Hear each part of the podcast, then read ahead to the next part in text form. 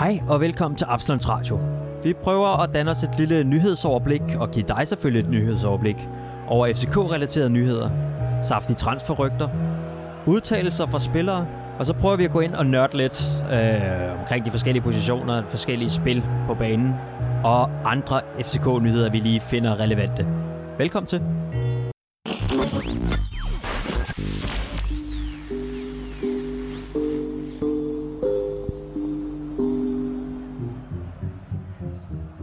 Nu begynder det så småt at dufte lidt af fodbold igen.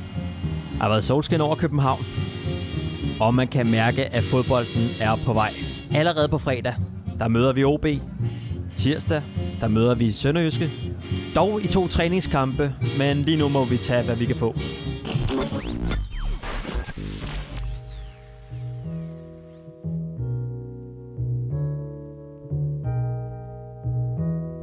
Hej og velkommen til Absalons Radio. Velkommen til. Hej Victor. Det er blevet onsdag igen, så vi skal... Så kører vi igen. Vi kører igen. Vi er på pletten. Vi satser på, nu fra nu af, så, så vender vi tilbage til vores, til vores vante senderytme, ikke? Hvor, vi, hvor vi udkommer hver onsdag. Ja. Og i dag, der skal vi, øh, vi skal jo rundt alle mulige steder, og vores primære fokus, det bliver ligesom at snakke, øh, hvad for nogle konsekvenser kommer det til at have på vores klub? Altså det her, øh, der er både noget med, at der er kommet flere, øh, man har man kan bruge flere udskiftningsspillere, øh, et tættere pakket kampprogram mm-hmm. end øh, planlagt. Så snakker vi lidt om øh, et par skadede spillere, som måske ikke får forlænget deres kontrakter og har spillet deres sidste kamp i FC København. Og på den lidt mere positive side, øh, så har der også måske en, øh, en New Zealander på vej til FC København. Sådan en har vi aldrig haft før, men øh, der er i hvert fald lidt rygter. Så øh, hvis man er interesseret i den slags, så, øh, så lyt med. Velkommen til. Velkommen til.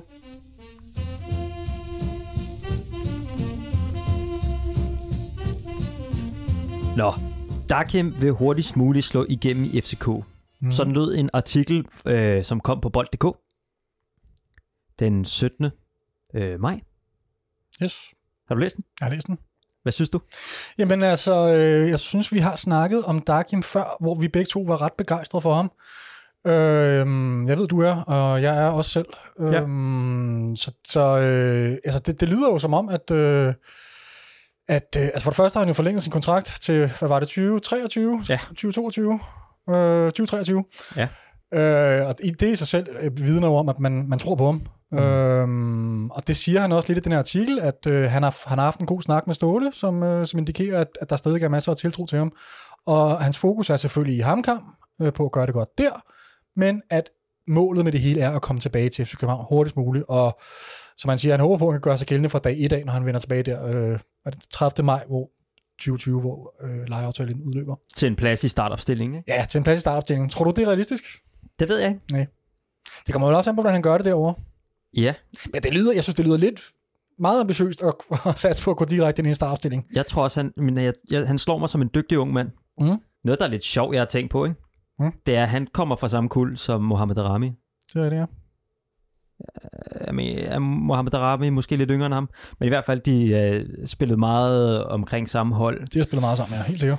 Øh, men lige pludselig, nu spiller de faktisk samme position, efter vi har rykket Darami væk fra angrebet, fordi på det tidspunkt, der spillede Mohamed Darami jo som en ni. Det er faktisk rigtigt, det har jeg slet ikke tænkt over. Øh...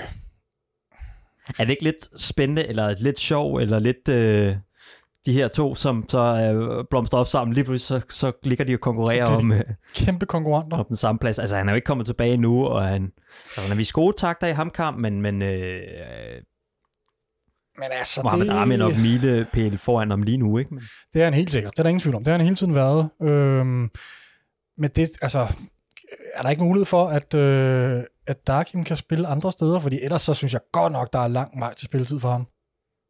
Ja. Altså, jeg, jeg tænker, vi har ikke umiddelbart plads til at have to unge talenter til, på samme plads. Det, der, det giver jo ikke nogen... Altså, Darkim skal ud af spilletid. Ja. Den har jeg slet ikke tænkt over, den der. Det synes jeg er ret interessant. Øh, fordi det synes jeg efterlader Darkim med nogle ikke så gode kort på hånden i forhold til FC København. Ja. Hmm. det er meget spændende. Det er altså, faktisk spændende, ja. Jeg synes jo også, Mohamed Rami ser rigtig fed ud, når han kommer op og spiller nier. Jamen, måske skal vi bare satse på det så, ikke? Han skal op i angrebet, ikke? Så er der plads til dem begge to. Altså, han kommer nok til... Altså, han er jo ikke så gammel igen, så han kommer sikkert nok til at vokse lidt i uh, både bredde og højde. Ja. Ja. Altså jeg ved jeg synes, jeg synes han har set, øh, altså han havde jo et par kampe deroppe, øh, inden det hele det gik nedenom og hjem med coronaen, hvor han spillede angriber, ikke? hvor han gjorde det helt vildt godt, og folk var helt oppe og ringe over ham, hvis han kan, hvis han kan finde det niveau frem. Altså, så er Hvem det snakker vi om? Dakim eller jo øh, Darami. Darami? Ja. Øh, ja, det, det synes jeg er spændende. Altså, øh, hvor ser du Darami være bedst? Øhm, jeg synes, han, han passer bedre, når han er frigivet mere for nogle defensive pligter. Ja. Øh, han er lidt for ung og lidt for ghettobold til, Ja. at han skal have så mange øh, defensive pligter. Ja. Øhm, Det er som om, der er lidt for mange aspekter på, altså der er flere aspekter i at spille den kant, end der er at spille angriber. ja, og den, jeg, jeg synes faktisk, at, øh, at Dakim virker som om, han også øh, tager det, det defensive spil mere seriøst Ja. ja. end Darami. Det er også min fornemmelse. Øhm, han er bedre ved, altså, og jeg han er mere udpræget simpelthen øh, højre kant. Ja. Hvor at øh, Darami er en omskolet højre kant. Og Jeg, jeg tror også bare generelt, at, at uh, Darkim, han har hvad skal man sige, bedre kvaliteter rent defensivt end, uh, end Darami. Selvom de begge to selvfølgelig kan lægge på, både offensivt og defensivt, så synes jeg, som de står lige nu, så virker Darkim som en mere naturlig kant i FC København, end Darami gør. Mm. Netop som du siger, fordi Darami han mangler lidt defensivt. Men jeg kan godt lide, om jeg har stor tiltro til Ahmed øh, Dakim. Også mig. Jamen, jeg kan lide begge de to drenge der. Dem, øh, Jeg er enig. Øh, og jeg glæder mig til at se, når han kommer tilbage. Øh, indtil videre, så er det jo i november, mm. vi har fornøjelsen af at se ham. Jeg ved jo ikke, om der bliver forlænget nu her, på grund af, at der har været corona, og Nå. man mener ikke, at han ikke har været nok ude at få nok øh, øh, jorden og neglene. Jamen, det er, jo det, det, er, det er jo i hvert fald ikke optimalt for ham, at, øh, at han nærmest lige kommer derover og så lukker ligaen ned. Øhm, man, så man kunne godt forestille sig, at det blev forlænget lidt måske, men pff, det er jo ikke til at vide. Altså, Nej. øhm, Fun fact, så tror jeg, at øh, Ståle Solbakken, han får øh, set meget fodbold med øh, Ahmed Dak- Dakim, fordi at han øh, spiller på hold med en søn. mm. Ja, der er bare en, en, en tæt connection mellem Ståle og, og Hamkamp, så, ja, øh, det, oh, ja, så de følger, det er helt sikkert, han, øh, der skal nok blive holdt øje med, med Darkim. Han går ikke i, i glemmebogen, det er helt sikkert. Nej, det tror jeg heller ikke. Men altså lad os da håbe, at han får en masse... Altså det, det alfa og omega er jo, at han får spilletid op. Altså mm. han Mm. skal jo spille alle kampe, eller så meget som muligt i hvert fald. Og så hvis han gør en smadret god figur, øhm, så lad os se, hvordan situationen er i FC København til, til vinter, når han kommer tilbage. Der kan, være no, der kan være sket meget. Vi har solgt spillere, vi har købt spillere. Øh, der kan være sket meget på den der periode. Mm. Så, øhm, men, men, men for lige at vende tilbage til artiklens indhold der, så, så, så hæfter jeg mig med, at, øh, at han i hvert fald har, det er helt tydeligt, at han har ambitioner om at komme tilbage til FC København. Han ser ikke FC København som et lukket kapitel for ham nu. Øh, Nej. På ingen måde. Og det er ligesom det, der har været målet hele vejen igennem. Han siger så noget, øh, lige siden jeg har været lille, har det været det her, der har været planen, ikke? Mm. Og det er hans øh, hjerteklub. Det er hans hjerteklub, og det betyder meget for ham. Øhm, og det kan vi jo rigtig godt lide som fans, nogle af de her spillere, som har spillet i klubben i mange år, som har følelser Mm. for klubben. Øhm, så det er da også et ekstra plus i karakterbogen til ham. Ingen tvivl om det.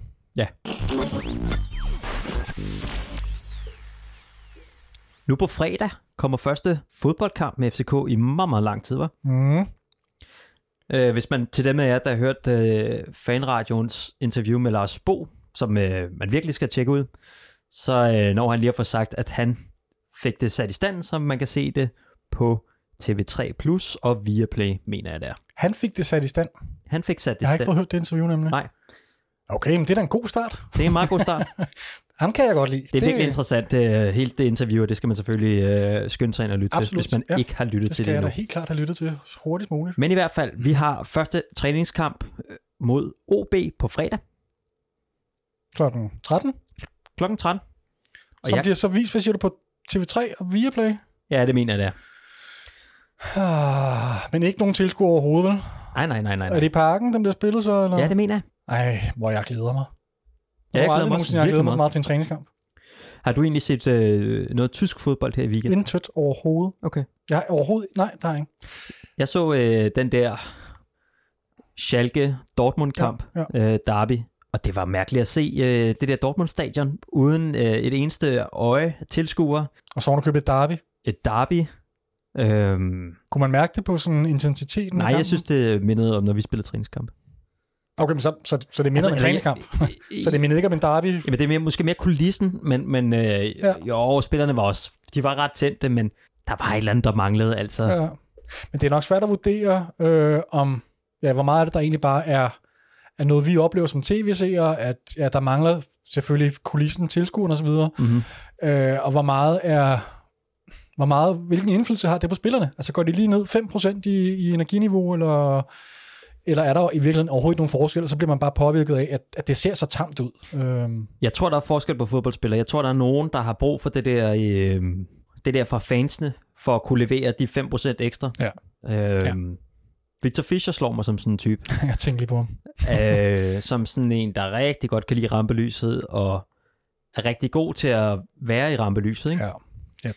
Jeg tænker også, det er lettere for spillere, som har spillet på større scener, øh, og ligesom gebært sig i pressede situationer. Mm. Øhm, vi har jo mange, ikke? Vi har Damendøje, vi har øh, Bjelland, vi har øh, Karl Johansson, det må også være, han må også have spillet på nogle ja, ja, pæne adresser.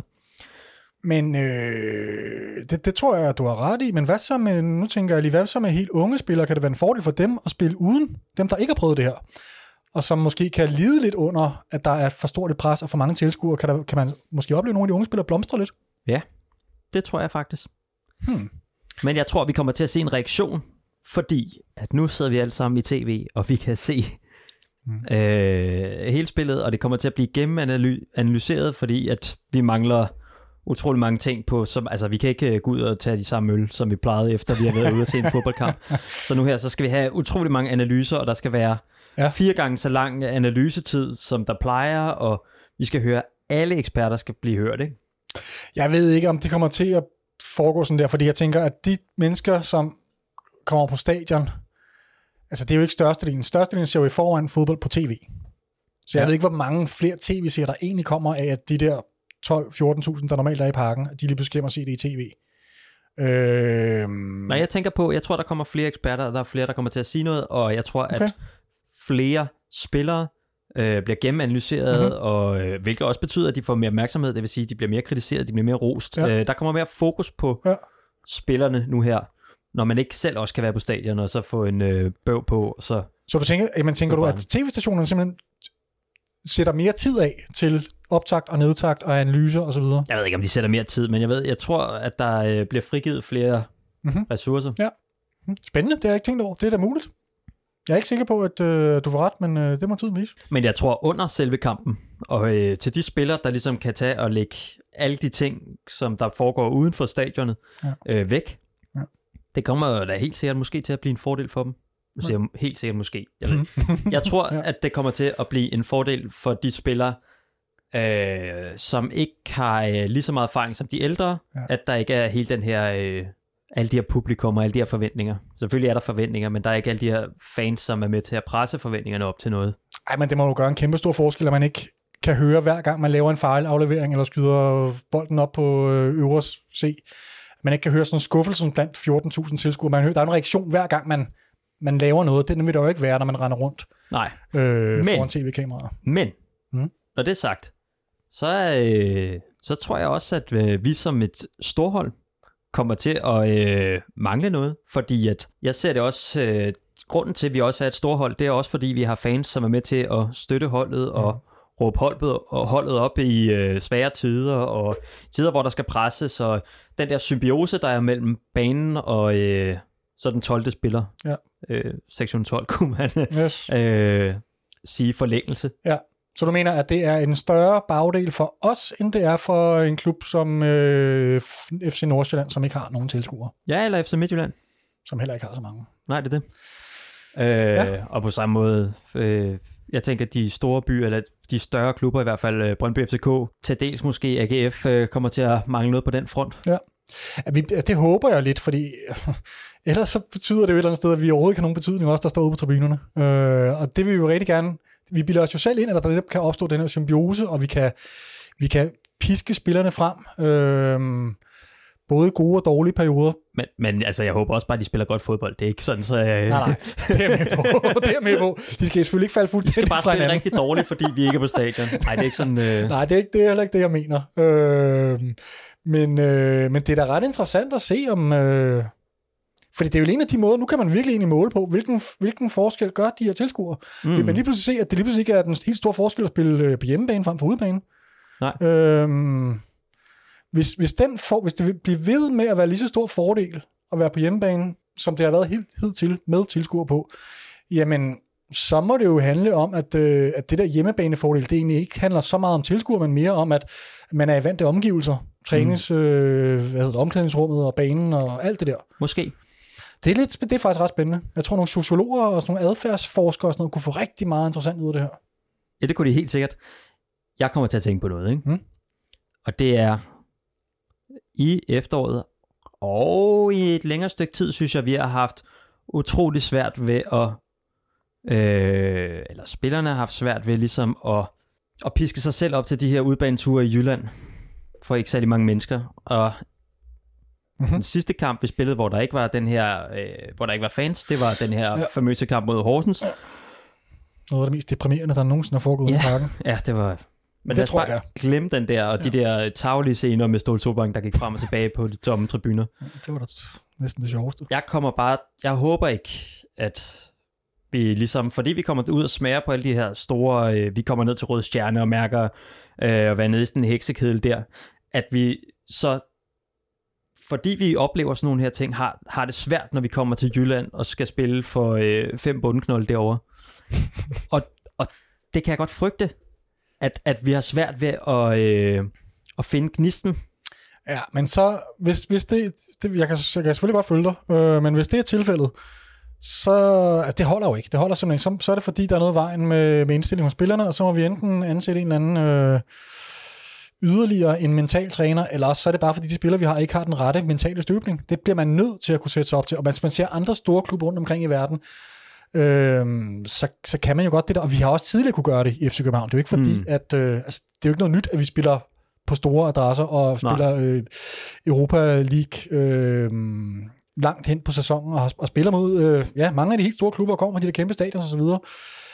Det har vi altså set masser af eksempler på, at vi godt kan. Øh, vi har også set masser af eksempler på, at vi lige, altså kampen efter en Europacup-kamp, der synes jeg, at der er tendenser til, at vi har svært ved at præstere. Øh, men det kan jo lige så godt hænge sammen med, at, at der sidder noget træthed i benene, eller hvad ved jeg. Øh, jeg synes ikke, at at der har været sådan en generel tendens til, at der har været problemer i de sæsoner, hvor vi har haft store kampe, at vi så ikke har kunne præstere i Superligaen. Nej. Okay. Og det er et kæmpe problem, hvis det er. Altså, det må ikke ske. Nej, jeg, de sidste, i efteråret har vi bare haft et problem med at køre langt til Jylland for at spille for ingen fans næsten. Ja. Øh, hvor vi ikke har spillet særlig godt, og det har været sådan lidt energiforladt, og det har været lidt... Øh, Ja, det er rigtigt. Det er det håber jeg ikke fortsætter. Nej. Og der, hvor vi også så det på hjemmebane, det var mod Horsens, hvor det var den mest energiforladt kamp, og ja. det var som om, vi ikke havde lyst til at være en del af den kamp. Men det var nemlig det, jeg skulle til at sige, for jeg synes netop ikke, at det er sådan udbredt udebaneproblem, jeg ser det i den her sæson. Jeg synes, det har været et generelt problem hele den her sæson, at vi starter kampene mega svagt, og det er som om, der er ikke rigtig... Spillerne kommer ind og er ikke klar fra start af. Mm. Så kommer vi bagud som regel, Mentalt og eller så, fysisk? Men det virker som om, det er mentalt, men det ser ud, altså det ligner også, at de ikke rigtig er der fysisk, men jeg tror, Mm. det er en mental ting. Altså det må det være. Øh, og man kan også se, at der er rigtig mange kampe, hvor vi kommer bagud tidligt i kampen, og så tager de skeen i den anden hånd, og så, ja. Ja. så, så, så kan vi jo godt, og vi, vi har hentet rigtig mange sejre, hvor vi har startet med at komme bagud, og det tyder på, at det er noget mentalt, og det ikke er noget fysisk. Mm. Altså, øhm, Altså, jeg har jo en idé om, at den måde, man kan konkurrere det her på med at have svært ved at sætte sig op til kampene, det er at finde noget, hvor man skal hen og bevise sig. Spille nogle unge spillere. ja, men så er det Der jo er det, William Bøing, for eksempel. Giv ham spiltid. Han, jeg tror, han vil blomstre i noget, hvor at, og kan være med til måske at give en gejst i resten af holdet. Hvis han virkelig har, altså, kan komme ind og få en førsteholdskamp, øh, hvor han virkelig har noget at bevise. Øh, på foran, hvor der ikke er særlig mange, der er ikke nogen øh, tilskuere, der er ikke så meget pres på lægterne. Øh, så på den måde minder det måske mere om en træningskamp. Øh, men måske har han stadig et inderligt ønske om at bevise sig for en ståle, foran alle de fans, der sidder øh, bag ved tv-skærmene. Men tænker du så generelt i denne her sæson, eller, eller konkret i denne her sæson, eller generelt set? Fordi jeg, jeg tænker, at i denne her sæson, der synes jeg godt, at der kan være råd til, at vi gør nogle af de der ting. Fordi vi, mesterskabet er væk i mine øjne. Mm. Så der kan vi godt, vi kan godt tillade os at tabe nogle point øh, ved at spille nogle urutinerede spillere ind. Mm. Men det kan vi bare ikke normalt. Øh, normalt så er alle pointene simpelthen så vigtige, hvis vi skal have det her mesterskab, som jo er sæsonens største mål. Øh, og ja, nu, nu nævner du William Bøving, hedder han William? Ja, det mener jeg. Øh, altså jeg vil sige, hvis, hvis, hvis vi er noget med at prøve nogle spillere, som måske ikke øh, er faste spillere, så kunne vi måske kigge lige skridtet over ham, William Bøving der, som virkelig har, har lang vej. Altså jeg tror bare, at jeg, jeg kender ham overhovedet ikke, men jeg kunne da godt frygte, at han ikke har niveauet øh, til at sikre os tre point. Altså der skal ikke være for mange af sådan nogle typer i hvert fald. Ah, Nej, det er jo heller ikke, fordi vi skal stille med et halvt hold, men jeg ja. savner bare lidt, at, at de her... Øh, jeg, jeg, tror, at, at en måde at vække en masse gnist på, det er ved at tage en, som, som kan komme med den gnist. Altså en, der... der han, han vil gerne ind. Han vil gerne rigtig gerne spille den Jamen, her det er da kamp. helt ikke? sikkert, men han skal også have kvaliteten. Det, det tror jeg, han har. Vi har spillet ham i en førsteholdskamp før meget kort tid i slutningen af en kamp, hvor han lige kommer ind og får noget spilletid. Mhm. Men lad os lige runde den her af. Mhm. Altså, at spille øh, uden tilskuer, er det et plus eller minus for os? Jamen, det er da kæmpe minus. Jeg er meget enig. Kæmpe, kæmpe minus.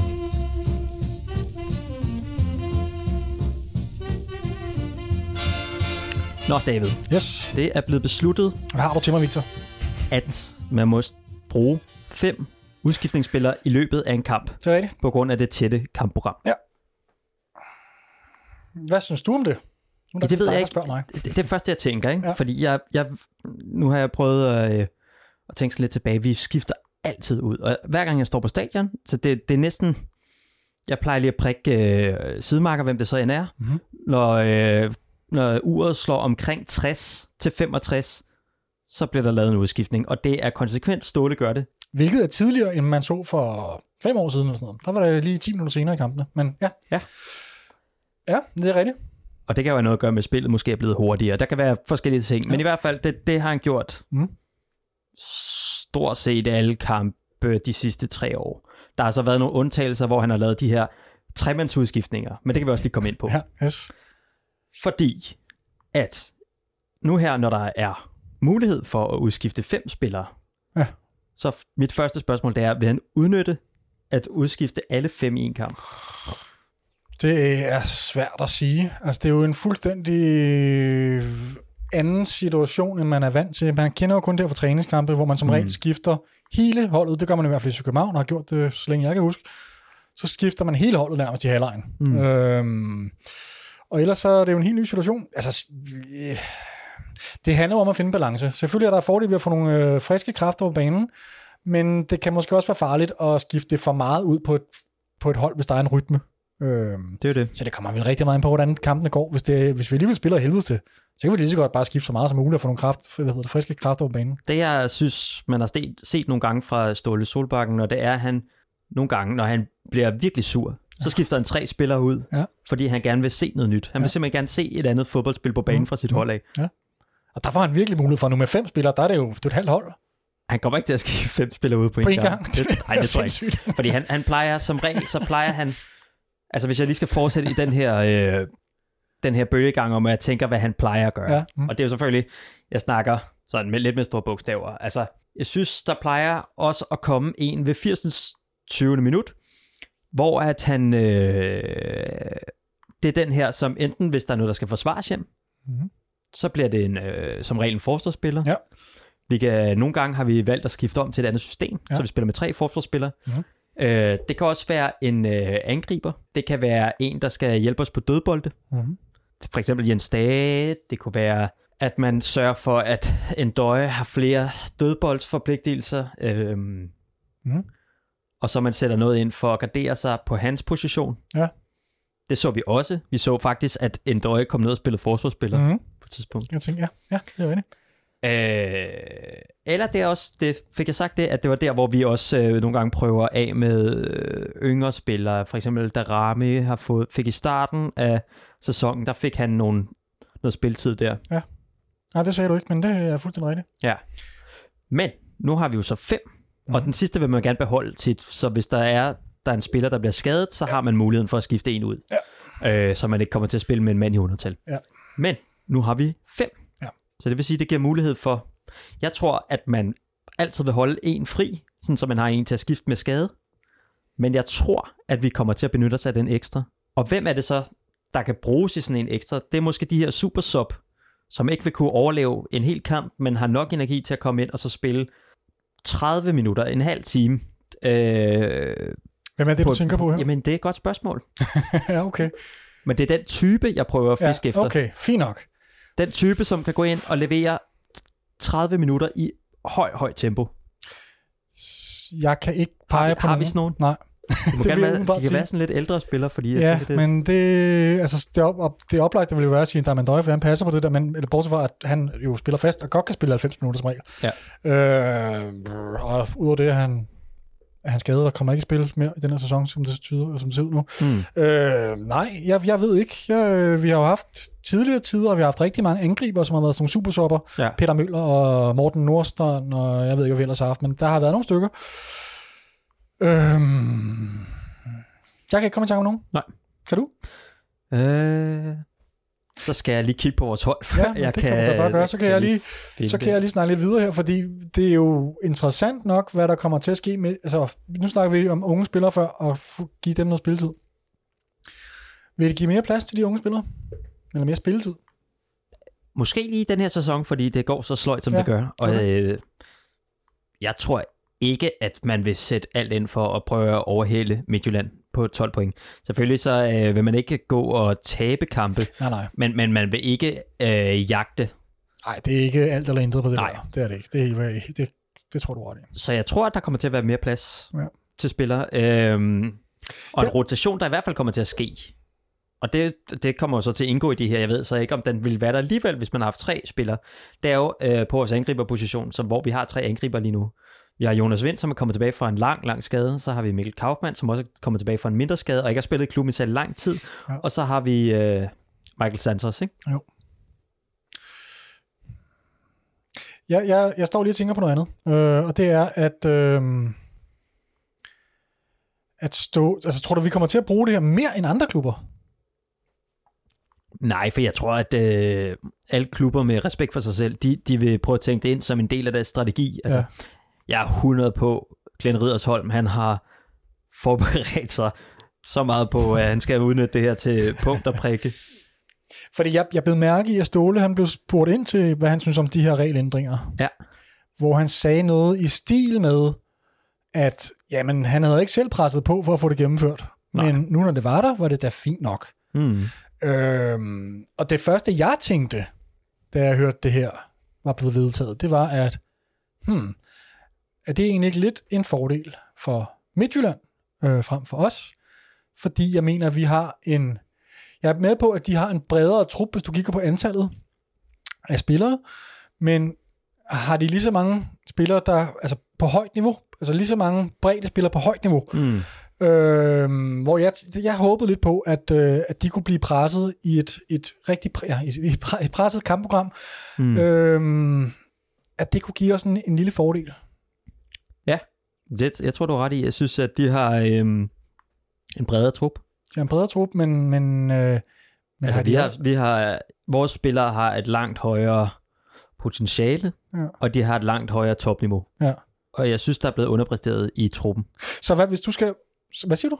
Altså, jeg synes lige, altså, der er blevet underpræsteret i den her sæson i truppen. Ja, ikke? ja, oh, absolut. Det kan der ikke have tvivl om. Fordi hvis de her spillere spillet op til niveau, hvad de har vist i glimt, øh, så, så er vi langt bedre hold end dem. Ja, jamen, det, er vi, det, det tror jeg da ikke. De har en der- bredere trup, og vi har virkelig også været uheldige med nogle glasben. Ja, ja, helt vildt. Helt vildt, men det skal jo ikke være... Men hvad, hvad altså... Hvad så? Hvem, er det en fordel for det? Er det en fordel for nogen? Eller hvis, hvis vi kigger Midtjylland, København? Hvis vi kigger Midtjylland-København, så er det helt klart en fordel for Midtjylland. Ja, okay. Øh, og det kommer også til at blive en fordel for de... Nej, Så tror du, Ståle i virkeligheden helst ville have været den her rent for uden? Det tror jeg. Det tror jeg måske egentlig også. Så, så måske, hvis vi skal sætte sådan en plus og minus, mm-hmm. Mhm, en vurdering ja, af, ja. om det her det er godt forhold eller Ja. ikke er godt forhold, Ja. så, så ender vi med at sige, faktisk ikke er godt forhold, at det får en minus. Jo, men altså, jo jo, det, det, ja, det synes jeg er overordnet, men der er der også nogle plusser. Altså som du siger, det er da fedt, hvis vores øh, lidt yngre spillere kan, kan få lidt mere spilletid. Det har de brug for. Øhm, Jo jo, men, men lad os se det, for eksempel lad os se det i øh, en mesterskabskamp, eller ja, tage så de synes jeg, det briller er på. minus. Så, så, så tænker jeg, det er minus. Det gør jeg også. Ja, så er det minus.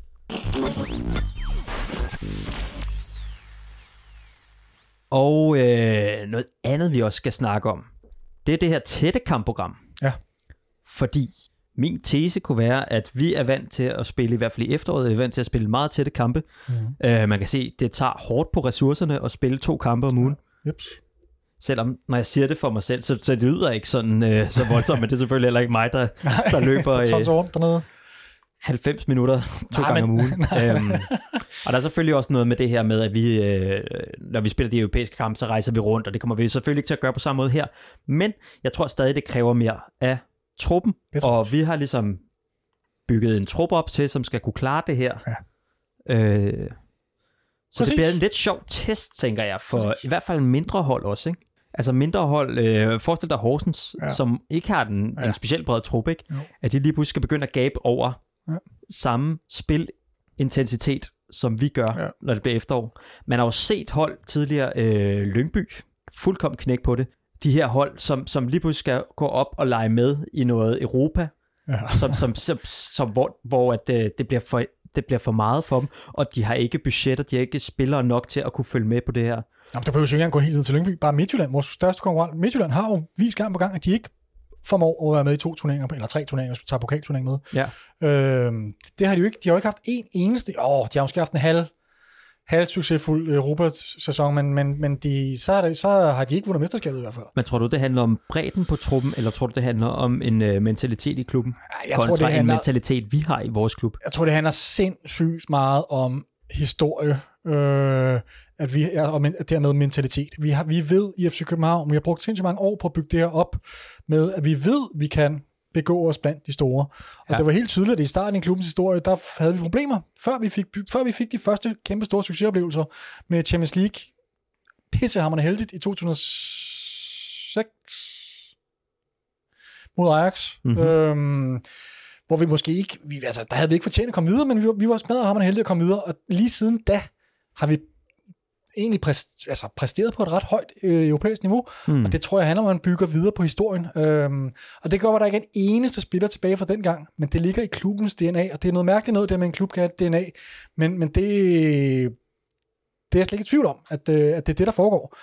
Øh, fordi det er så tydeligt, øh, især med FC København som eksempel, at, øh, at, at de, selv nye spillere, der kommer til klubben, de har en eller anden tro på, okay, men den her klub, vi kan godt gå ud og spille op mod de bedste. Det, kan, det har vi set. Det er fordi, jeg ved, når de forhandler kontrakter med os, fordi de har set alle vores flotte resultater osv. osv. Men det Øh, står jo også sort på hvidt. Det står jo sort på hvidt, at vi har været med i Europa Mm. på nær et år. Præcis. Øh, de sidste. Siden dergang-agtigt. Altså, det er Ja. jo helt vildt. Det- Jeg tror, det er, det er en håndfuld klubber i Europa, og når du kigger på, hvem der ellers, altså, som har gjort det samme. Jeg tror, vi har kvalificeret os altså, noget 13 ud af 14 gange til et gruppespil. Er noget Mm. af den stil. 12 ud af 13, eller 11 ud af 12, eller noget af den stil. Og der er, jeg tror, der er en, altså, det er under 10 klubber i Europa, som har gjort det samme. Og det er altså sådan nogle som Barcelona og Milan, og altså nogle De helt verdens store. bedste klubber. Ikke? Ja. Okay. Og vi har jo også en træner, som har så været med til stort set øh, næsten alle sammen, ikke? Jo, jo, jo, det er jo Som, Ståle. som, som er Ståle, Det er der, er, Ståle, der er i klubben nu her. Ja. Men jeg tror, at det handler mere om den mentalitet, end det handler om øh, truppen. Jamen, det er jo også det er jo lidt det, jeg siger, fordi mentaliteten kommer jo af historien. Ja. Øh, så det, øh, det vil jeg give dig ret i. Øh, det handler ikke så meget om truppen. Det er en, en mentalitetsting det her. Man har en tro på, at det godt kan lade sig gøre, og det kan det godt. Man, man har en, ja, en, Og- en grundlæggende tro på, at det og- kan vi godt der. Og hvis vi lige skal fortsætte, så er det den hemsko, som vi ser Midtjylland have. At, Præcis. at lige så snart de, de, får, Præcis. de bliver... Øh, hvad, hvad, hvad, Det er fuldstændig det samme som at se FC København for 20 år siden, Jamen, hvor ja, vi ikke havde nogen historie. ja, eller jeg tænker det der med... Der er sådan et eller andet med en, øh, et barn, der starter i en øh, i folkeskolen. Altså det her med at komme, Ja. være helt nervøs, og så bare øh, Præcis. smide det hele væk. Præcis. Men det, det, jeg bare synes, der er så mærkeligt, det er, at der er jo ikke en eneste spiller, altså spil, der er jo kæmpe stor udskiftning på, på holdene, så jeg synes, det er mega fascinerende der med, at, at, at sådan nogle oplevelser kan gå videre i arv fra generation til generation, eller hvad man skal sige. Men det er altså ikke tvivl om, at det er det, der sker. Nu er der jo et par stykker, som har prøvet lidt før. Jo, altså jo, jeg tænker, men jeg tror at det, Damendøje og Rasmus Falk har der også været med nu her efterhånden. Der har været Ja, ja, ja, en det er øh, det. Nikolaj Bøjlesen, vi har fået Oviedo tilbage, øh, Pierre Benson, Ja, okay. Ragnar Sigurdsson. Der er kommet et par stykker i hvert fald. Faktisk rigtigt. Der er faktisk en del. Så på den måde, så, men det er jo også noget, der opbygger sig det her med en, en stamme, Det er det. som, som ligesom har, har prøvet det, oplevet det, Det er det. og ved, hvad det handler om. Præcis. Men lad os lige komme Ja, ja, tilbage til, yes. til øh, og det har Midtjylland ikke, men i hvert fald så, så skal der spilles flere kampe nu her, ikke? Jo. Det kommer til at blive et tættere program. Men kører vi to gange om ugen fra nu af, og så til guldmedaljerne er uddelt. Er det, det ligger helt fast? Det er sådan, som jeg har forstået det. Spændende. Altså, det er, det, hvis der er noget, der kan give mig lidt forhåbninger om, at Midtjylland kan få gummiben, eller øh, ja, sætte det hele over styr, Mm. så skulle det da være sådan noget her. Altså, Ja, lige pludselig skal man spille mange flere kampe, ja, end man kan Ja. ja. over. ja, ja, måske. Måske. Jeg, jeg, ja, som sagt, jeg tror mere, det handler om den der mentalitet med, at øh, det er farligere ude i det store, Ja. store Europa, hvor man ikke har været før og sådan noget. Øhm, Men hvis det, hvis det for jeg synes, de har en fin nok bred trup i virkeligheden. Så men så, så kommer det jo ikke til at være nogen bagdel for dem, det her. For det er jo ikke Europa, Nej. der. det er jo ikke det store farlige Europa. Så kommer de jo bare til at pløje igennem. det er det. Og det, det, det tror jeg lidt. Øh, Man kan så sige, nu, altså man kan jo håbe på, at den her lange pause også har gjort, at der er kommet et eller andet form for noget grus i deres maskineri. Altså, Mhm. de har fået brudt en stime. Ikke fordi de spillede fantastisk, men de vandt jo alt. hvad med de mindre hold? Tror du, vi kommer til at få det lettere eller sværere mod dem nu her, øh, på baggrund af, at der kommer flere kampe? Jeg har en formodning om, fordi altså det bliver en fordel for os, at de mindre hold med smallere truppe skal spille mange flere kampe. Det, kunne man, det er jo det er, Ja. den logiske, det er den logiske forklaring. Ja. Øhm, desværre hjælper det os jo ikke i forhold til Midtjylland, som er stået i den samme situation, som er spiller mod. Men, men hvis vi siger, at den der er, at, at de Okay, ligesom den stået er- afsted, ja, okay. der er 12, 12 points forskel. Øh, jeg tror personligt ikke, at vi kan komme op og overhælde dem. Nej, nej, Øh, der skal ske i hvert fald et mindre mirakel. Ja, jeps. Men vi skal alligevel møde, øh, vi skal møde andre klubber, mindre klubber, og så er der selvfølgelig, vi skal, altså, for guds skyld ikke ned og kæmpe med AGF om noget tredjeplads eller noget. Nej. Det, altså, det gider vi overhovedet Nej. ikke. det, altså, det er lidt Kommer det, det til at blive en fordel for os, undskyld jeg afbryder, Ja. kommer det til at blive en fordel for os, når vi skal møde de mindre klubber? Det gør det. Øhm, og det bliver også en fordel i forhold til AGF, hvis det er den bronzeplads, eller sølv, sølv kamp der, vi, vi har i baghovedet. Ja. Så ja, så er det en fordel for os. Okay. Fordi at vi er vant til at spille mange kampe. Ja, præcis. Vi har en, ja, vi har en, øh, vi er vant til at spille mange kampe. Simpelthen. Okay. Det er de jo ikke overhovedet. De har et par, par pokalkampe, de små klubber, hvor de øh, leger sig videre mod Døllefjælde Muse og sådan noget, indtil de møder et eller andet øh, fra Superligaen, hvor de så jo ud. Øhm, så, øh, så ja, jeg ved ikke lige med AGF, fordi jeg synes faktisk, du har en, det er, lidt, det er også lidt en interessant snak, det der med, om vi skal kigge opad, eller om vi skal kigge nedad. Mm. Øh, for jeg kan godt være bekymret for den der sølvmedalje. Okay. Øh, altså, hvis, hvis, der, hvis, der ikke er sket, hvis der ikke er kommet helt andre boller på suppen i forhold til den Horsen-kamp der, Mm-hmm. så tror jeg, at AGF overhælder også. Måske. Men jeg tror så også, der kommer andre boller på suppen. Jeg tror også, der kommer andre boller tror på sætten. Og Ja. der kommer nogle spillere tilbage. Og, øh, Ja, men det tror jeg også. Jeg er også sådan set også fortrøstningsfuld nok. Men jeg siger bare, at hvis vi skal kigge lidt på fakta, så har AGF en rigtig fin formkurve, og vores er ikke så fin. Og jeg tror det, igen, for at vende tilbage til det der med, om vi har en fordel mod de små hold eller hvad. Det handler, igen, kommer det til at handle sindssygt meget om motivation. Mentalitet. Altså, fordi hvis vi, hvis vi går på banen hver gang med den der, når vi har tabt guld, og det hele mm. mm. som, vi, som om den fornemmelse, jeg havde mod Horsens. Det var Okay. det. Der, der, det var, der var, hvad hedder, vi lige sat tre point yderligere til, mm. så vidt jeg husker.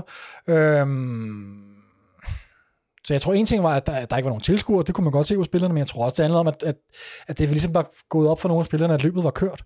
Og hvis, hvis man bliver ved med at gå på banen med den holdning, at Åh, der er alligevel ikke, altså, man ikke kan sætte sig op, fordi guldet er rådet til, til Midtjylland, så får vi også problemer mod de små hold. Så tror jeg ikke, at det hjælper os vildt meget, at vi er vant til at spille to kampe om ugen. Altså mentalitet, motivation er vigtigere end trætte stænger, eller friske stænger. Altså. Okay.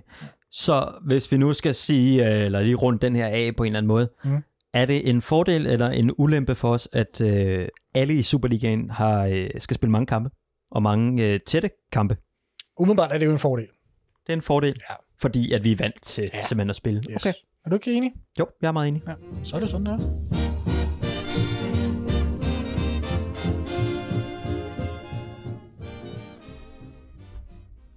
Har du læst den her artikel fra øh, BT, der hedder Rystet over regnskab af Brøndby på vej mod konkurs? Ja, den har jeg læst. Jeg ved godt, det ikke havde så meget med FCK at gøre, men øh, så alligevel, jeg ved ikke, jeg, jeg, jeg blev nødt til at klikke ind på den, jeg blev nødt til at læse, hvad, hvad det her handlede om. Men jeg synes også, altså alt hvad der vedrører Brøndby, vedrører på en eller anden måde også FC København. I hvert fald til en vis grad.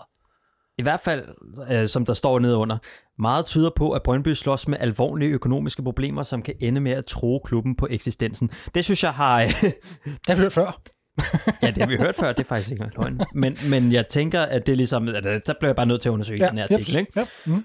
Øhm, og selvfølgelig så er der jo skruet op for en masse knapper, fordi det er... Øh, det er BT, og de skal sælge nogle aviser, og bla bla bla. Ja, okay, på den måde, jo jo, men det er jo stadigvæk en, øh, en økonom, som, altså det er, jo, det er jo direkte citater fra ham. Jeg kan ikke ud fra, at de har direkte lavet øh, fusk med, hvad han har udtalt. Og ham er økonomen, han er godt nok bekymret. Ja. Øh, det skal siges, ham er økonomen, som hedder... Og hvad hedder Morten han? Langer. Morten Langer, som er chefredaktør på finansmediet Økonomisk Ugebrev, som er sådan et, der bliver sendt ud til, sådan som jeg forstår det, af deres målgruppe. Jeg sad lige og googlede dem lidt. Øh, leder.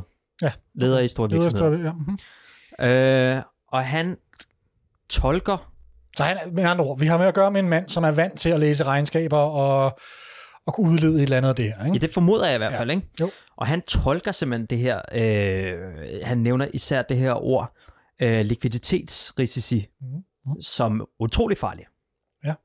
Det vi ved jo, det er, at Jan Bæk Andersen, som har været sugar daddy i Brøndby og smidt rigtig mange penge efter den klub, han har sagt, til og med september vil han holde hånden under Brøndby. Men hvad så? Og det skal måske lige med til historien, at det han siger er jo, at de har fremlagt et, et, et regnskab, som er så katastrofalt ringe. Øh, en ting er, at øh, tallene ser forfærdeligt ud, men det han også er meget bekymret over, det er, at der overhovedet ikke bliver lagt op til, hvad der skal ske næste regnskab. Og hvad er det? Altså, øh, der er jo et, et, et øh, nu har du fundet artiklen frem der, ikke? Han Mm. siger, ledelsen ved den kommende periode, altså det er, det er et citat fra Brøndbys, øh, øh, hvad hedder det, øh, meddelelsen, de kommer omkring deres Mhm, regnskab, hvor mhm. de siger, at ledelsen vil i den kommende periode nærmere vurdere behovet for yderligere at styrke det nuværende likviditetsberedskab med henblik på at sikre, at der under de vilkår, der følger af covid-19-situationen, er tilstrækkelig likvid- likviditet til at gennemføre Brøndby IF's aktivitet og strategi. Øhm, det vil sige, det de egentlig siger, siger Morten Langer, det er, at øh, vi står og mangler penge lige nu her, og vi ved ikke, om vi kan betale de udgifter, vi har øh, i den nærmeste, altså i den her, et, altså i nær, nær fremtid, på grund af de, øh, altså på grund af den, de økonomiske vanskeligheder, de har fået på grund af coronaen. Mm-hmm. Øh, det vil sige, kassen er tom. Ja. Den er tæt på i hvert fald, ikke? Og så som du siger, Så skal man have lavet en t-shirt, og så få solgt rigtig, rigtig ja, og mange det har de så også fået gjort. Men det, mere end den der. Ja, den rækker altså ikke så langt. Jeg ved godt, at øh, alle mulige medier er ved at Måske falde 10 på halen over det. At de skal have sådan en månedlig, en månedlig støtte, tror jeg, eller sådan noget. Ikke? Øh, og som du selv siger, så er det jo det her med, at, øh, at, at, at hvad så, når der Sugar Daddy forsvinder til september? Fordi de må ikke godt lige kan klare kortsigtet at overleve de næste par måneder. Jo. Øh, men når han, Jan, smækker mm-hmm. kassen i, hvad så altså? Og som Morten så også er inde på, så er der, og det, og det tror jeg, det han siger, der bekymrer ham allermest, det er, at de nævner ikke, han siger, det er en enormt simpel forretning, Brøndby. Det er ikke, fordi der er alle mulige ubekendte faktorer. FC København for eksempel. Mm. Øh, LaLandia. ja, præcis. Og nu tror jeg generelt, at fodboldklubber er rimelig simple forretninger, men, men Brøndby er så en super simpel, fordi de nemlig ikke har andet end fodbold. Driften mm. af fodboldholdet. Mm.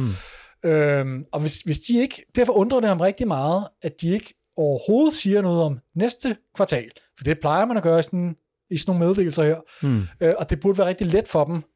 Det er Mads Langers, eller Morten Langers ord det her.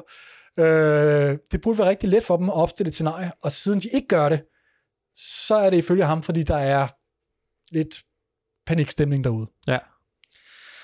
Så, ja, hvad kommer det til at betyde? Måske øh, kommer vi til at se Red Bull Brøndby?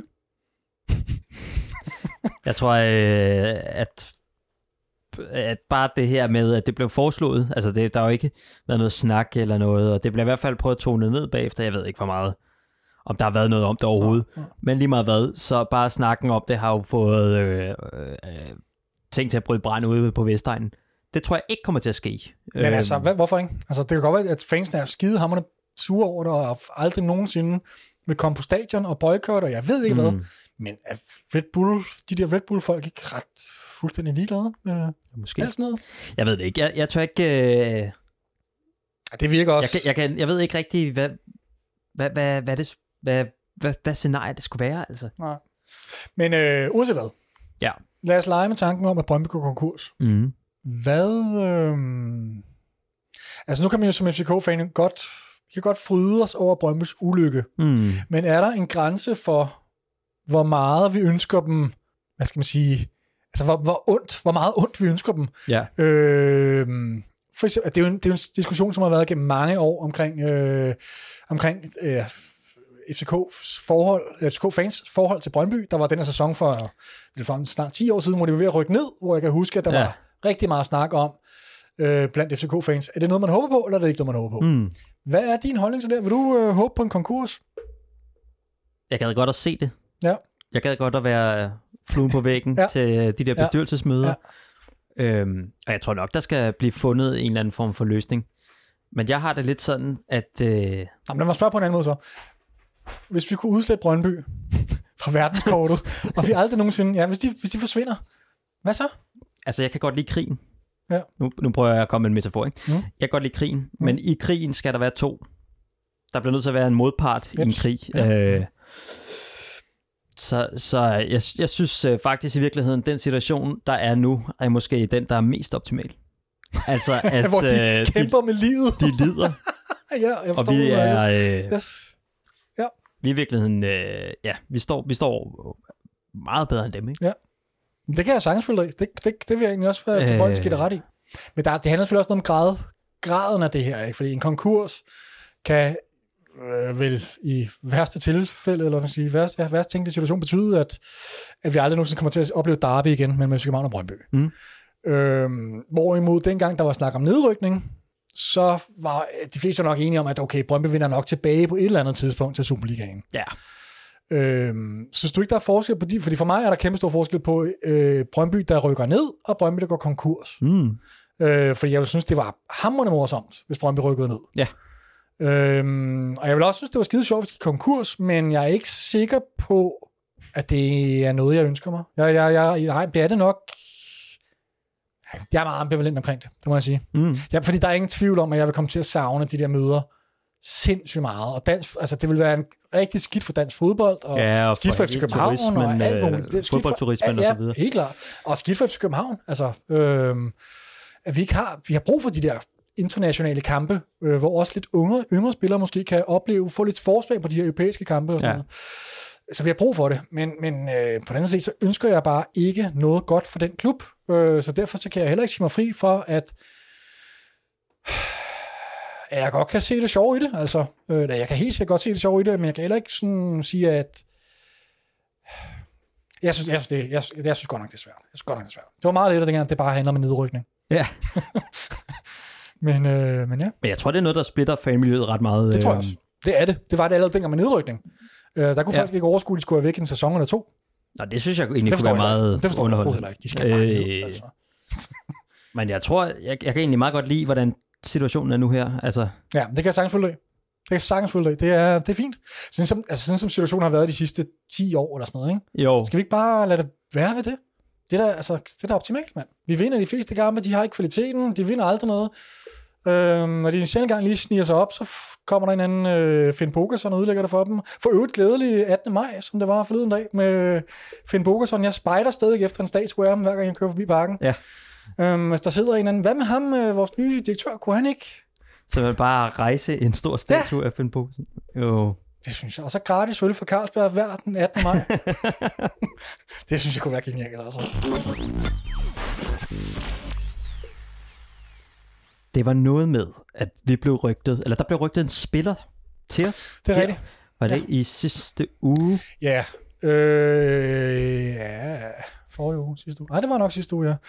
En New Zealandsk spiller. Øh, jeg troede, han var Australien faktisk. Øh, han det, spiller i New Zealand, gør han ikke? Nu er Victor lige i gang med at finde ham ja, frem her. nu finder jeg lige her. Jo. En uh, ung, uh, lovende, New Zealand, hedder det det? New New Zealand. Zealander. det ved jeg sgu ikke, hvad det hedder. Uh, I hvert fald en ung uh, gut, som uh, på han er 18 18 år, år, 18 år gammel, ja. Marco et eller andet. Marco, står det ikke? Marco Stamenic. Jamen, det der er med ham, det er, at øh, han har været til prøvetræning Mhm. mm-hmm. i FC København. før coronakris. Før, ja, men faktisk, ja, han var der nemlig lige, da det så brød ud, så hans lejeophold, eller ikke lejeophold, men hans øh, prøvetræning blev afbrudt. Mm. Øh, han skulle egentlig have været i kamp øh, og spille en eller anden træningskamp, men det kom han så ikke, fordi at hele landet lukkede ned, og han måtte tage tilbage til New Zealand. Men nu har den her New Zealandske avis en, en artikel omkring det her, hvor de snakker om, at øh, ja, de spørger mig ind til det her. Øh, og han, øh, for det første siger han selvfølgelig, at det er meget interessant for ham øh, at komme til Europa og FC København, og det er en stor klub og alt det her, vi alle sammen godt ved. Øh, men det, jeg egentlig bider allermest mærke i, det er, at han siger, at, øh, at der stadig er kommunikation mm-hmm. mellem øh, klubben og ham, og klubben rigtig gerne vil have ham tilbage til, altså for at færdiggøre den her prøvetræning. Mm-hmm. Øh, lige så snart, at, at coronasituationen ligesom tillader det. Så han må have imponeret. Han var trods alt i 14 dage eller sådan noget. Mm-hmm. man kan, det kan godt være, at han ikke nåede at spille nogen kampe, men man kan jo stadig godt vurdere en spiller ud fra trænings, ud på træningsbanen. Ikke? Mm-hmm. Og at man gerne vil have ham tilbage igen, det må betyde, at Ståle øh, ser et eller andet i ham. Ja. Og så så jeg en video med ham, en af de her famøse agentvideoer med, med noget fantastisk musik. At der var knald på musikken. og den, altså man skal gå ind og finde den på YouTube. Ja, se den lige, og jeg ved godt, altså jeg er faktisk ret, jeg, jeg er altid super skeptisk, når der kommer de her videoer, for jeg synes altid, at altså man kan altid få spillerne til at se fantastisk ud. Mm. Øh, men som regel synes jeg også godt, man kan se, hvad det er for et niveau, de ligesom er, altså hvem de spiller imod. Og jeg vil sige, øh, ham her, han spiller jo ja, i New Zealand, som ikke har et fantastisk højt niveau, hvor man går ud fra. Jeg tror, jeg, det første, jeg lagde mærke til, det var tempoet. Der ja. var øh, en del langsommere, ja. også en Superliga. Ja, helt klart. Helt klart. Det var ikke Superliga-niveau. Det var det ikke. Altså, det var over kløvermarken, ikke? Øh, altså, det, var, det var lige over kløvermarken, men et godt stykke fra FC København. Men jeg synes til gengæld, altså, det er en af de videoer, jeg har set, hvor jeg har været sådan allermest hook på, at ham der, ham kunne jeg faktisk godt se i FC København, for han kan alt det, som Ståle gerne vil have i en han er central midtbane. Mm. Og som vi snakkede om sidst, øh, hvis Falk skal væk, hvad gør vi? Vil vi have en, øh, en box-til-box spiller? Vil vi have en offensiv type som Rasmus Falk? Hvad vil vi? Mm. Og ham, han kan det hele, øh, virker det til ud af det, sjovt, spiller nummer 10, ligesom sikker, øh, og sådan en central midtbanespiller i nummer 10, det er noget mærkeligt noget, men det gør han altså. Det er også New Zealand, det er også... Jamen det er det, det er også det, jeg tænkte. Det, det er dem, der er helt galt på den. Men han var, jeg lagde mærke til, at han var en stærk bolderober, ja. og han var teknisk stærk, han var enormt mm. dygtig til at øh, indgå i sådan noget øh, småt kombinationsspil, mm-hmm. kunne også godt ligge en, en passning på fra den ene øh, hvad hedder det, sidelinje til den anden, mm. som lå perfekt. Mm. Han scorede mål, øh, han virkede han var rimelig fysisk stærk. Jeg synes, han virker som sådan en klassisk FC København central midtbanespiller. Ja, jeg ved ikke, om han er fysisk stærk. Synes du det? Jeg synes, han virker, det ved jeg ikke, altså nu er de der han... New generelt lidt små, så, så konkurrencen var måske ikke, altså han var ikke de største spillere altså, op imod. Nej, men han er forholdsvis høj, men han er ikke, øh, ikke en muskel. Nej, han er 18 år. Ja, det er selvfølgelig Men han er ikke en lille, lille... Nej, det er han heller ikke. Nej, nej, det kan øh, godt være, det ikke måske er fysikken. Altså hans, øh, og det er jo men, selvfølgelig svært, hvor meget man skal ligge i det her. Altså, fordi at man skulle også lige skrue alt det her. Det var sådan en meget episk øh, musik, ja, ja, der kørte. Ja, ja, jo, jo. Vi ser jo ikke alle hans fejlallerværinger. Nej, det er det. Øh, det jeg lagde mærke til, det var, at han, øh, han havde et godt overblik. Kæmpe godt overblik. Han havde rigtig mange af de der sideskift. Ja. Øh, og der er også nogle rigtig fine stikninger i dybden og små lobs mm. og sådan noget. Jeg, jeg synes, han så rigtig kreativ ud. Ja. Men jeg synes også, han så stærk ud defensivt. Okay. Og jeg synes egentlig, han så god ud i pressesituationer. Det kan være, vi... Øh Ja, men, det, det, ja, men jeg synes nu bare... sælger vi den også meget godt, ja, ikke? Selvfølgelig det. stort set prøv... købt uh, Pogba nu. jo, men altså, ja, men skal man gøre? lidt fremme, og han går også uh, lidt tilbage, han, han har et godt overblik, han har ja, et godt spark, præcis. og går på begge fødder. en døje og Brede Hangeland, ikke? Øhm, nej, men, men, men, men vi har brug for, der sker ikke en dyt på transfermarkedet lige for tiden. Så når der kommer sådan et rygte her, og som ikke bare er, det, grunden til, at vi tager det med, er, fordi det ikke bare er et eller andet obskurt rygte. Manden har rent faktisk været til prøvetræninger, Øh, og hvis man skal tro hans egne ord, så vil vi gerne have ham tilbage igen til mere prøvetræning. Så der er jo, der er jo noget om det. Altså, man er interesseret i ham her. Øh, så øh, ja, vi vil lade os anbefale, hvad hedder sådan noget, opfordre folk til at gå ind og, øh, og google Markus Stamenic. Midfielder. Midfielder. Og så se den video, hans, jeg går ud fra, det er hans agent, der har lavet den, og nyd musikken. Mm. Tag hurtigbrillerne på, og så... Øh... Så må vi se, om han skal til, øh, som der står i den... Øh hedder det neozelanske avis? Ja, det siger vi, det hedder nu. New Zealandske, jeg ved det ikke. Marco flew to Denmark for a three-week trial with the Danish Superliga powerhouse FC Copenhagen. Powerhouse, læg mærke til. Ja. jeg synes, det er meget fedt. Det skulle bare lige med. Ja, det kan vi godt lide. Det kan vi godt lide.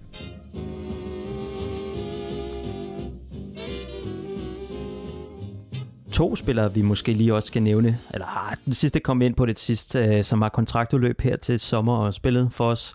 over to omgange. Den ene er selvfølgelig en døje, som vi brugte noget tid på at snakke om, hans skade og hans operation i sidste afsnit. Ja, der er ikke så meget nyt med ham. Nej, jeg har i hvert fald ikke læst mig til noget. Den anden, det er jo øh, Ragnar Sigurdsson. Ja. Ja, jeg anede ikke, der var problemer med ham skadesmæssigt på skadesfronten, men det har der åbenbart. Åbenbart har der været nogle små skader. Jeg kan huske, mm. efter han spillede, øh, spiller han ikke to brandkampe i, øh, mod Celtic? Jo, det gør han. Hvor at, øh, den ene, der, der øh, så Victor Nielsen rigtig, rigtig godt ud. Øh, Og ingen tvivl om, at Victor Nielsen havde godt af at have sådan en rutineret herre, han kunne læne sig op af. Ja. Det, det var ret tydeligt, synes jeg. og, Victor Nielsen spillede også nogle af sine bedste kampe i FC København, tror jeg, mod Glasgow, eller mod Celtic. men sammen i den konstellation sammen med... Øh, Præcis. Det er selvfølgelig ikke til at vide 100% hvor meget jeg synes... Øh, Sigurdsson har trukket Nielsen op, men det tyder nej, på, at... sådan lidt overraskende, så var det jo ham, der startede ind mod Celtic, mm. øh, da vi spillede mod dem hjemme. Øh, men jeg, jeg, jeg synes, det gjorde altså noget ved vores spil. Han var lidt rusten i starten, og han skulle lige banke noget rust af, som jeg mener, vi også har snakket om i Ja, virkeligheden. det tror jeg også. Øhm, men i hvert fald, så synes jeg, han fik øh, Victor Nielsen til at se meget bedre ud. Og nu lyder det som om, at øh, Ståle siger i hvert fald, at man nøje overvåger situationen med ham og en døje med hensyn til på skadesfronten i forhold til forlængelse af deres kontrakter. Mm. Og jeg synes, det lyder som om, at, at en døje er man klar på, at hvis, altså det kommer an på, hvordan går den operation der. Hvis, hvis, han, hvis man har en fornemmelse af, at han, han godt kan, kan, kan tage et år til, jamen så forlænger man. Det vil både ham og FC København gerne. Men jeg synes ikke, det lød helt, helt lige så, hvad skal vi kalde det, øh, positivt omkring Ragnar. Øhm, Ja, det er jo ikke fordi på nogen som helst måde at stole, han udelukker noget som helst, og det kan også sagtens være, at jeg overanalyserer de ord, han, han øh, det, ja, den artikel, jeg læste øh, de ord Ståle, han valgte, men det var sådan noget i stil med, at han havde godt nok haft mange skadesproblemer, og nu var der Mm. kontraktudløb, så nu måtte vi, øh, nu måtte vi lige se tiden lidt an. Jeg, jeg fik lidt en fornemmelse af, at øh, at der var gode chancer for, at han har spillet sin sidste, altså han ikke får forlænget kontrakten. Hvilket jeg synes var hammerende ærgerligt. Altså, Ja, kan vi ikke godt bruge ham et år til? Altså? Godt nok også synes, det er ærgerligt, men altså, to. han er jo... Man er kun 33. Kun og kun. Ja, og man bliver ikke snart 34. Jo, det kan godt Øh, være, men sted, det, uanset hvad. Altså, han har, det er altså ikke mere end et par måneder siden, at vi spillede mod Glasgow. Nej, nej, det er Øh, rigtigt. Eller spillede op i Glasgow mod Celtic, og der, der klarede han det ret flot, ikke? Jo. Så må det ikke godt, han... Øh, altså, det er lidt ærgerligt, det er, sådan, det er to spillere, som har et kæmpe hjerte for FC København. Mm. Øh, en døje med en sektion 12 tatovering, og jeg tror også, Ragnar har stået nede på sektionen, og Han har sikkert også en tatovering. det, jeg, det, det er lige, jeg skulle lige til at sige det, det, tror- det er lige før, jeg tror det faktisk. Øhm, så det er også lidt vemodigt, men altså, lad os se. Jeg håber i hvert fald lige meget hvad, hvis de her spillere, de ender med at skifte væk fra klubben, at der kommer en eller anden mulighed for at sige ordentligt farvel til dem. Ja, ja det ville være rigtig, rigtig trist. Ikke? Tænk, hvis nu har vi ikke, nu får aldrig en døje igen, hvis han ikke får- forlænger sin Nej, kontrakt. det ville være forfærdeligt. Der er ikke noget corona, eller... Ej, men så laver man selvfølgelig et eller andet med, at han kommer ind til den første kamp, når der må komme tilskuer igen, og bliver hyldet. Ja, Det har man gjort før med sp- spillere. Det vil man gøre, men det er alligevel... mens man selvfølgelig viser den nye øh, statue af ham frem ned på trianglen, som han har hejst. Øh, Præcis. Præcis. Om man måske kunne få også en lille statue på i Cabo-tårnet, eller sådan noget, så man hele tiden kunne se ham, også når man stod inde på stadion. Det ville gøre mig tryg i hvert fald. Så jeg altid lige kunne kigge på en døje. men, øh, men ja, lad os håbe, vi krydser fingre for dem begge to, fordi vi er enige om, at øh, de, de har mere at give af. Mm. Ikke? En sidste ting, vi lige skal have med i dagens udsendelse. FCK all time. Hvad sådan noget? FC Københavns bedste hold gennem tiderne. Mm-hmm. Øh, vi er nået til højreback-positionen. Ja. Det er jo dig, der har fået øh, fornøjelsen af at, at, sætte, at sætte det her hold. Hvad, øh, hvad, falder dig, hvad tænker du, når man siger bedst FC København bak, højreback i historien? Øh, ja, hvad tænker jeg? Ja, hvad tænker du? Øh, jeg har ikke sådan nogen, da jeg var yngre, tror jeg. Jo, Postbæk. Mm. Øh, kunne være, øh, og det havde jeg måske også sagt for nogle år siden, men øh, her de seneste par år er jeg blevet utrolig glad for Lars Jakobsen. Jeg husker ham helt klart bedst fra øh, anden gang, han var. Ja. Øh, men, Har du ikke bare hørt for meget fodboldministeriet? Jo, det har jeg sikkert. Jeg har sikkert hørt for meget Du er fodboldministeriet. fan. Og så, øh, så synes jeg også, at det, det klæder øh, alle sportskommentatorerne at få ham ind. Øh, ja, det jeg ved godt, det er særlig, ikke har særlig meget med fodboldspillet at gøre, Ja. men han er godt nok vokset meget på mig, og øh, Men Victor, nu må jeg være lidt hård, fordi det har intet, som du selv siger, med, med hans præstationer i FC København, tror jeg, at gøre det der. nej, Vi bliver nødt til at holde os til, øh, for jeg er enig, Lars er en meget, meget, meget afholdt person. Øh, hvem, hvem kan ikke lide ham? Altså, mm, øhm, og jeg synes heller ikke det, altså, du kan sagtens vælge ham, fordi han har været i klubben i to omgange, og er, man kan sagtens argumentere for, at han er vores bedste højreback. Mm. Øhm, men jeg, det skal bare ikke på, på, på baggrund af, at han er skide sjov og, og likable. Nej, men jeg synes, det er okay, at, at på det her hold, at der også er nogle karakterer okay. og nogle typer, ja, okay. som er likable. Ja, er øh, og så Okay. udover det, så, så, så øh, det er et stykke tid siden, vi har set nogle øh, indlæg på samme måde.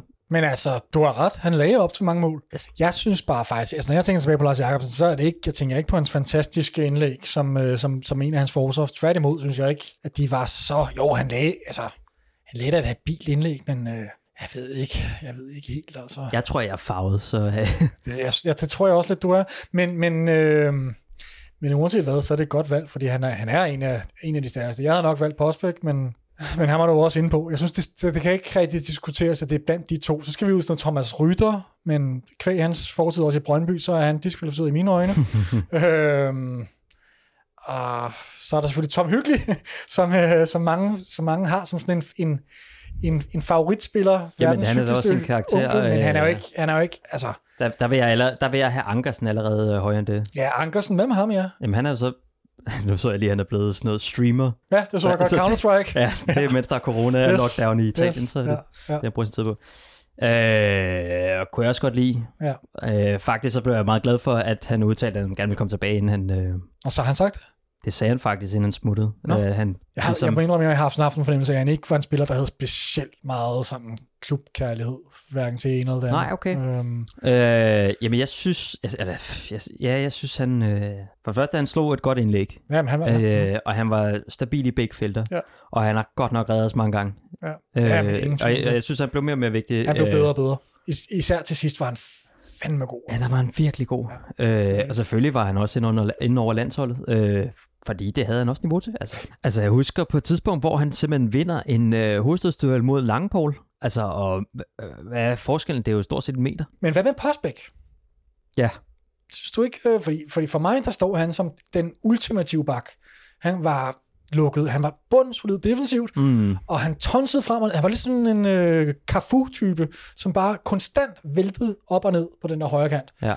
Øh, han havde fin indlæg, han scorede mål endda en gang imellem. Mm. Øh, god kombinationsspiller, og jeg synes bare, han havde det hele. Altså, det kan man også godt argumentere for, at Lars Jacobsen havde, og måske videre også øh, Peter Ankersen. Peter Ankersen. Øhm, så det er svært. Så, så øh, ingen er vi- sure er- miner er- herfra, er der- uanset hvem du vælger de Jamen, tre. er, det, er, det, er vi ikke enige om, at det er en af de tre spillere? Jo, det synes jeg.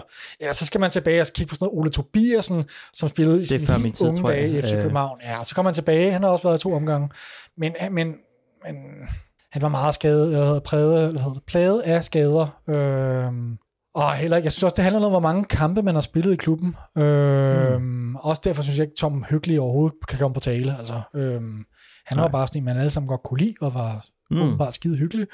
Og sådan en habil forsvarsspiller, men han spillede jo ikke særlig meget. Altså, øhm, så jo, jeg synes, det er blandt de tre. Det synes jeg. Det kan ikke være anderledes. Øhm, Thomas Rytter har også spillet rigtig, rigtig mange kampe i klubben, men det er også før din tid, tror jeg. Ikke? Mm. Og som sagt, han er diskvalificeret, fordi han, han øh, skiftede til Brøndby. Så, øh, så jo, en af de tre. Jeg kan utrolig godt lide Lars Jacobsen, og han er kun vokset på mig. Øh, Jeg kan godt høre, at han er det, det, begyndt jeg at være ikke. kommentator. Og, at, at man, Han, bliver- ja, det er faktisk en fornøjelse at, have, at høre om som kommentator Ja. også. Øh, en ting er, at han er, han er sympatisk, men så er han også fodboldfaglig rigtig stærk. Og... Jamen okay, jamen altså tidligere FCK'er, ikke? Og øh, spiller han ikke også på FCK's øh, oldbold? Jo, jo, det gør han. Han har også sagt, at FC København, på trods af, at han vo- voksede op i Odense øh, med OB, Mm. som hans ungdomsklub, og det var der, han slog igennem, Mm. så har han, det er ikke så lang siden, jeg hørte i fodministeriet, at, øh, at han sagde, at FC København er hans klub i Danmark. Altså, Okay. det er hans hjerteklub. Så. Fint nok. Lars Jacobsen på højre bak er herved noteret. Det er jo så alt, hvad vi øh, lige havde i dag. Mm. Tak for denne gang. Tak fordi I lyttede med. Det har været en fornøjelse. Husk nu, at der er kamp på fredag, Mm. Kl. Den- 13 mod OB. 22. maj. Mm. Og Og igen på. tirsdag Mm. øh, mod Sønderjyske. Bliver den også vist? Ved vi det? Den bliver også vist, tror Den jeg. bliver også vist. Fantastisk. Øh, på- Så ved jeg, hvad jeg skal lave. Fredag kl. 13 og tirsdag kl. 15. ja, og jeg, ej, hvor jeg glæder mig til at se FC København-spillerne igen. Det er helt vildt. Det er helt vildt. Jeg har, som sagt, Ja. jeg har aldrig glædet mig så meget til en træning. Jo, jeg ramte, jeg ramte faktisk ind i både øh, Kaufmann og der ramte den anden dag i Fældeparken. Hvad havde de? øh, Var de ude og øh, Jeg ved ikke, forberede de sig? står og kigger Eller? lidt på deres telefoner. Jeg, jeg vil ikke... Okay, øh, de lavede ikke så meget. ikke gå ind og sige noget. Men det var det i træningstøj, var det ude at løbe eller eller andet? De var i træningstøj, jeg tror, de var ude og lave nogle af de her videoer, som øh, jeg har set FCK Nå, TV yes. lave nogle af. Ja. Øh, som er fedt. Yep, helt klart. Men øh, jeg vil indrømme, jeg glæder mig mere til at se dem i kamp. Ind i fældeparken, mens de kigger ned i telefonen. kigge på noget. Det kan jeg så godt forstå, Instagram, men eller øh, du har en evne til at løbe ind i de der spillere, synes jeg. Jeg ved ikke, hvorfor jeg hele tiden render Nej, det er meget det er sjovt, men det, det kan Victor altså. Jamen, øh, tak for den gang. Tak fordi I lyttede med.